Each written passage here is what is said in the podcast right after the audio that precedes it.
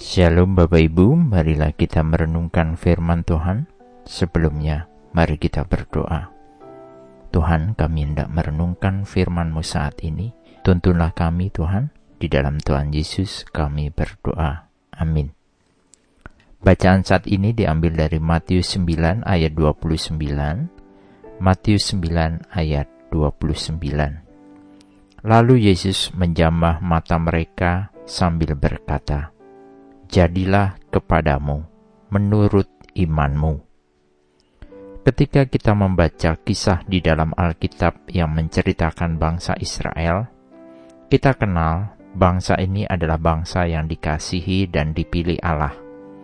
Di dalam ulangan 7 ayat 7 hingga 9 jelas disampaikan, Bukan karena lebih banyak jumlahmu dari bangsa mana pun juga, maka hati Tuhan terpikat olehmu dan memilih kamu. Bukankah kamu ini yang paling kecil dari segala bangsa, tetapi karena Tuhan mengasihi kamu dan memegang sumpahnya yang telah diikrarkannya kepada nenek moyangmu, maka Tuhan telah membawa kamu keluar dengan tangan yang kuat dan menebus engkau dari rumah perbudakan, dari tangan Firaun, Raja Mesir.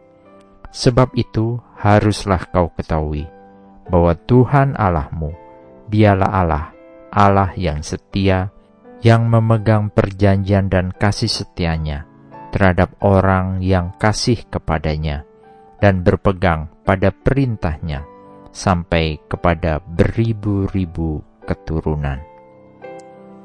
Allah memilih bangsa Israel untuk menjadi umat yang akan melahirkan Yesus Kristus, penyelamat dari dosa dan kematian.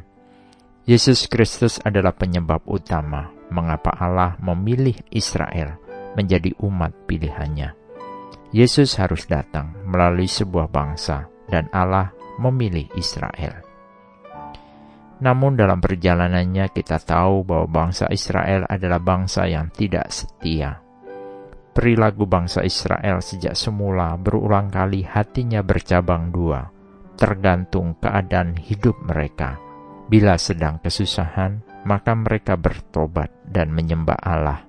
Namun, setelah kesusahan berlalu, maka mereka berpaling dari Allah. Kondisi telah membuat mereka berubah-ubah. Mereka tidak memiliki iman yang terus tertuju kepada Tuhan. Imannya bergantung situasi.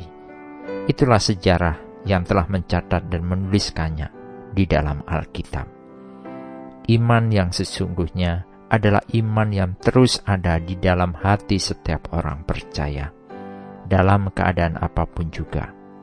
Namun, apakah ini mudah? Apakah jika kita punya uang banyak, kita pasti ingat Tuhan? Atau malahan, saat kita tidak punya uang, atau mungkin sedang kebingungan, apakah kita mengimani Tuhan akan mencukupkan kita? Atau mungkin jangan-jangan kita akan sama seperti bangsa Israel yang lari dari Tuhan. Jika kita memperhatikan jawaban Tuhan, seperti dalam bacaan saat ini, kepada dua orang buta yang telah disembuhkan, yang telah dijamah mata mereka, sehingga mereka menjadi melek kembali. Maka ada dua hal penting yang menyebabkan kedua orang buta ini sembuh dari kebutaan matanya, yaitu pertama, mereka percaya, yang berarti menyerahkan sepenuhnya kepada Tuhan. Kedua, mereka percaya, yang berarti meyakini sepenuhnya dengan iman kepada Tuhan. Kedua hal ini menyebabkan mujizat terjadi di dalam hidup kita. Berserah dan mengimani. Tidak ada yang mustahil bagi Allah. Matius 19 ayat 26. Bagi manusia, hal ini tidak mungkin tetapi bagi Allah segala sesuatu mungkin. Jadi, marilah kita terus beriman, percaya, dan berserah sepenuhnya, seperti orang buta yang Tuhan sudah sembuhkan.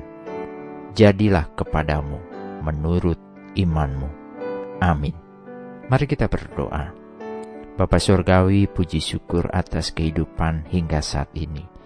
Kami memohon Tuhan peliharakan iman percaya kami senantiasa supaya kami tidak jauh dari Tuhan. Kami mau berserah sepenuh hati kami Tuhan. Tolonglah kami senantiasa. Di dalam Tuhan Yesus kami berdoa. Amin. Tuhan Yesus memberkati. Shalom.